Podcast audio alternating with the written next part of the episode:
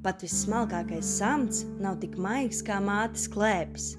Katram pasaules cilvēkam ir sava mamma, neskatoties to, cik viņa ir jauna, nenobriedusi vai šo īpašo notikumu gaidījusi. Tā katram ir visīpašākā un vienīgā. Šis stāsts ir par mamām, kuras bērnus laidušas pasaulē pašas būdamas 11 gadnieces, tomēr neskatoties uz sabiedrības stereotipiem, viedokļiem vai grūtībām, ir izvēlējušās šo īpašo lomu dzīvē uzņemties. Tu nabadzīgi! Nu, kopš es pati biju maziņa, man bija vēl mazāka māsiņa. Es vienmēr teicu, ka es būšu mamma. Man prasīja, kas tu būsi, un es vienmēr atbildēju, ka es būšu mamma. Un es vienmēr zināju, nu, ka bērni man būs, ģimene man būs. Viena no šīs stāsta galvenajām varonēm ir Monta, kura bērniņu laidus pasaulē 19 gados. Būdama vēl nepilngadīga, iepazinās ar savu tagadējo dzīves biedru un bērnu tēvu, kurš ir 14 gadus vecāks. Taču, neskatoties uz to, viņa abi zināja, ka vēlas veidot ģimeni, un sagaidot Montas pilngadību, tas pavisam drīz arī notika. Kad es skatījos, ka citas uh, māmas, kas ir vecākas par mani, iet kaut kur atpūsties un izklaidēties, man likās, ka es to nedrīkstu. Jo man liekas, ka ko visi teiks, paskaties, kāda ir jauna māma, viņa tā vēl nav gatava, paskaties, viņa grib izklaidēties. Ka man tagad ir jāpierāda, ka tas, ka es esmu jauna, nozīmē, ka es tāpat esmu gatava būt māma, un man sev jādod bērnam. Saistībā ar nepieciešamā atbalsta sniegšanu gados jaunām mamām savu viedokli izsaka psiholoģe un Rīgas Stradiņu Universitātes komunikācijas fakultātes psiholoģijas virziena vadītāja Sandra Mihailova. Respektēt šīs meitenes pašas izvēli. Vienkārši, ja meitene saka, ka grib viņu autrināt, vienkārši viņai palīdzēt to darīt. Otrs moments, pilnīgi noteikti ir jādod tai mammai pauze no bērna. Tas ir jādara jebkurai mammai, bet nu, tādai jaunai vēl jau vairāk, jo viņai jau gribās visu kaut kur skriet un iet un darboties. Un īpaši, ja tas vēl ir jauns pāris, tad uh, vecvecāku uzdevums būtu tik pa laikam uh, tiem jaunajiem ļaut pabūt divatā, kas ir ārkārtīgi svarīgi viņu attiecību stiprināšanai, un otrkārt arī šim atpūtas mirklim. man ir jaunāka māsa. Viņai tajā laikā bija kaut kāda 16 gadu laikam. Un, eh, nu, no viņas es ļoti jūtu tādu. Nu, tāda, ka man dzīve ir beigusies. viņa sāka runāt par kādām augstskolām, kur viņa stāsies, bet to jau neizmācīsies, tā jau vairs izglītības nebūs. Un nu, šādi teksti bija jāklausās, un tas, tas bija ļoti sāpīgi. Māma, protams, māma bija laimīgākā umīta pasaulē, jo tas, viņas, tas bija viņas pirmais mazbērns. Viņai neko vairāk arī nevajadzēja, kā paauklēt savu mazbērnu. Jā, protams, kā nāca no ārpuses uzreiz spiediens, kā tu tak neesi izmācījusies. Tu neesi izmācījusies, kāda ģimene, ja ne? Saku cilvēkiem, bet augstākajā izglītībā taču to var, nu, var stāties augstskolā, jebkurā vecumā. Tam nav ierobežojumu. Nu, un tad, nu, es izlaidīšu gadus un mācīšos. Nu, Kāda ir atšķirība? Es vienkārši daru otrādi tās lietas. Citi izmācās, un bērnus es sagriežu otrādi. Starpības jau nav. Un, bet, eh, nu, protams, ka jūtos slikti. Jūtos eh, kā, zemāka par kādu skatījos, kā studēju mani vienaudži. Man sāka likties, ka es tiešām esmu izdarījis kaut ko nepareizi. Ļoti, ļoti forši bija pašā dzemdību nodaļā jau. Un sastājāmies tur rindā visas. Un es skatos, un visas ir jaunas. Un visas ir jaunas, un tiešām ļoti jaunas māmas. Un man tieši vīrs arī bija atnācis, man vienīgais viņš bija atnācis līdzi. Es vēl viņam tā saku, es tā skaļi teicu, viņas dzirdēju, viņam saku, paskaties, tu redzi, kādas jaunas māmas visas ir. Un viņš galvenais tā pasaka, nu jā, bet kad tad vēl ir labākais laiks, ja ne agros gados? Un tas tā, nu tik skaisti tā izskanēja, nu kāpēc nē? Un tas, kā bērni motivē, Tas ir vienkārši kaut kas neaprakstāms.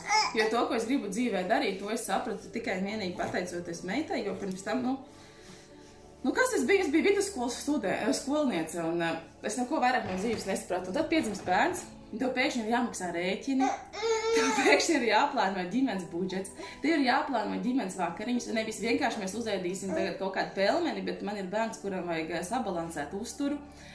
Ir visas šīs lietas, un uh, tev vienkārši nāks ļoti, ļoti strauji pieaugt. Ka ģimene ir tā, kas motivē sievieti. Ļoti, ļoti. Jo ir kāds, kurš skatās uz tevi un mācās. un kāds, kurš gaida, ka tu atnesīsi mājās kaut ko labu, kādu konču, piemēram, vakarā. Lai uzzinātu statistikas datus par gados jaunu māmiņu dzemdībām, esam uzrunājušas Rīgas dzemdību nama vecmāti Baibu Firkusi, kas savā profesijā strādā jau 39 gadus. Mums ir statistika no 14 līdz 18 gadiem, un, piemēram, 20. gadā tādas māmiņas ir bijušas 14. Un, ja salīdzina ar iepriekšējiem gadiem, tad uh, var minēt 2006. gadu, kad šādas māmiņas bija 153. Tātad mēs paši redzam, ka statistika ir stipri mainījusies, kad mammas meitenes paliek gudrākas un vien mazāk dzemdē jaunas meitenes. Turpinājumā baiva Firkuse par to, kas ir ideālais vecums, lai kļūtu par mammu un kādi ir iegūmi dzemdējot agrā vecumā. Ja cilvēks ja nobriedz savos 16 gados un ir gatavs kļūt par mammu, nu, tad viņš arī dzemdē. Jo viņi ir iekāpusi pieaugušo vagonā un viņi zina, ko viņi grib. Bet, protams, labāk un foršāk dzemdēt, diemžēl tās meitenes, kurām ir nu, stipri pāri pa 20, jo tad viņas tiešām zina, ko viņas grib. Krasi atšķirīga, tomēr nemazāk būtiski ir otrs galvenās varonas Elīnas grūtā gaidība pieredze. Šobrīd Elīnai ir 27 gadi, taču viņai bija 1,16 kad pieteicās viņas dēliņš, kas apgrieza jaunās meitenes dzīvi kājām gaisā. Protams, sākās visas tuvās intīmās attiecības un, un tā, un līdz brīdim, kad ieņēma bērniņu, plīsa gan prezervatīvs, gan arī avārijas kontracepcija nenostrādāja. tā kā Meitene ir satraukta, izbijusies par gaidāmajām pārmaiņām viņas dzīvēm Pirms paziņot šos jaunumus mammai, Elīna pieteicās pie ginekologa, lai izskatītu iespēju par abortu izdarīšanu, taču veicot nepieciešamos izmeklējumus, ginekoloģi aptuveni desmit minūtes klusēja. Nezinot, kā topošajai mammai, kura jau ir satraukusies par radušo situāciju, izstāstīt to, ka ir iespējams veikt abortu, bet šis būs vienīgais bērns, ko viņa dzīves laikā varēs dzemdēt, jo tika konstatēta dzemdes kakla patoloģija.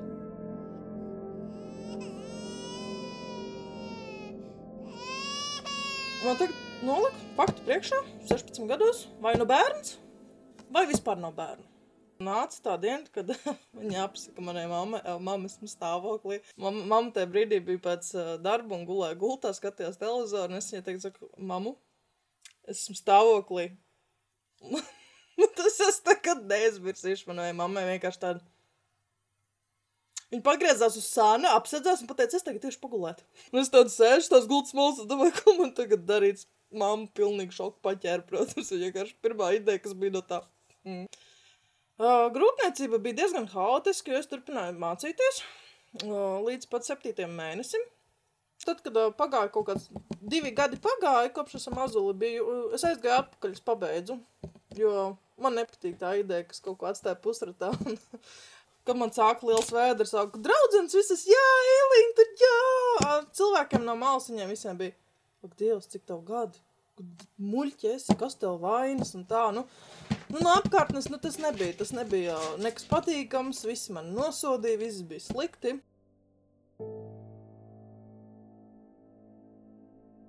Pienāca ilgi gaidītā dzemdību diena. Elīna bija noskaņojusies, ka viņai tiks veikts ķēzargrieziens, taču pēkšņi galvenā ārste saka, ka nāksies dzemdēt pašai, kas Elīnas veselības dēļ var būt nāvējoši. Kad tuvojās vakars, Elīnas un bērnu dzīvība aizvien vairāk izdzisa. Pat brīžiem šķita, ka viņa bērnu nospiedīs pirms tas nācis pasaulē.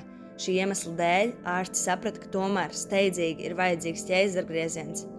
Visa šī procesa laikā aiz milzīgajām sāpēm un satraukuma Elīna dzemdības atcerās miglaini, jo divas stundas pirms notikuma viņa sāka vairāk kārt ģībt, bija slikta duša un cēlās asinsspiediens. Radās pat jautājumi, vai meitene sagaidīs rītu.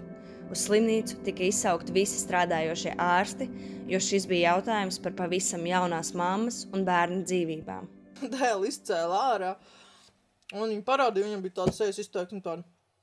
Cipa, kas notiek? Kāpēc man izņēma ārā? Tas diezgan dusmīgs. Tāds, hm, kas notiek? Es viņam iedevu bučiņu. Uz pieres viņš bija viss asinīs. es viņam iedevu bučiņu. Man liekas, tas bija pats skaistākais, ko es savā dzīvē esmu redzējis tajā brīdī. Man bija ta, ta, ta, ta, tas moments, bija, kad, viss, kad man vairs nesāpēja. Un es redzu savu dēlu, un tas, tas ir palicis atmiņā, un tas, man liekas, visu mūžu man būs palicis atmiņā. Ar to viss nebeidzās. Elīnai nācās slimnīcā pavadīt vairākas dienas, jo veselības stāvoklis bija nestabils. Viņai bija temperatūra, un ārsti dzemdē atklāja strutas, kas sarežģīja atlapšanas procesu. Nācās veikt dzemdas tīrīšanu un citas procedūras. Kad veselība uzlabojās, meitene tika palaista mājās, vēl joprojām esot stingrā uzraudzībā un gultas režīmā. Un, un jā, tas, ka karantīnu man uz piecām minūtēm ielaida manas tuvinieks, visā buča, buča un projām, vai ne? Nu, tā kā, tas arī bija tā stulbi, jo man vajadzēja to morālo atbalstu. Tas bija visvientuļākās septiņas dienas manā mūžā. Pie manis nedrīkstēja nākt. Es redzēju mammu pa tajām dienām divas reizes uz piecām minūtēm. Tas bija briesmīgi. Es sēdēju, raudāju katru dienu. Tagad ir atcerēties to briesmīgu.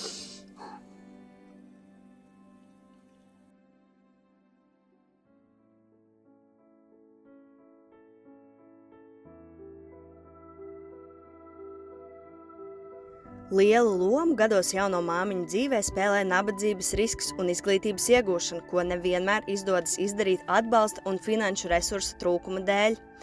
Izvērtējot statistikas datus, kas pieejami Latvijas oficiālajā statistikas portālā, atklājas, ka izglītības iegūšana ir problēma, un gados jaunām mamām tas sagādā grūtības.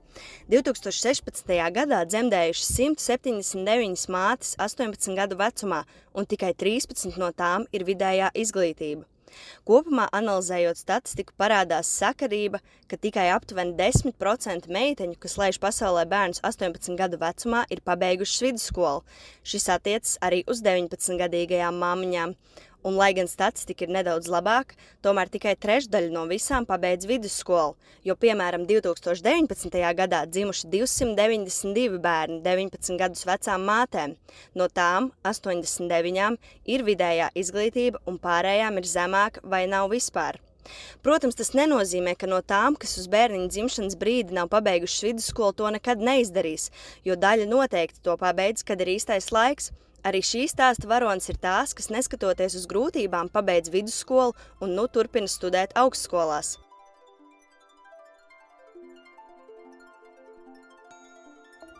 Apkopojot visu stāstu varoņu teikto, secinājums ir viens – bērni ir brīnišķīgi, katras mātes dzīvi padarot īpašu un piepildītu, taču svarīgi atcerēties, ka ar šo īpašo notikumu līdz nāk atbildība, pienākumi un rūpes visas dzīves garumā.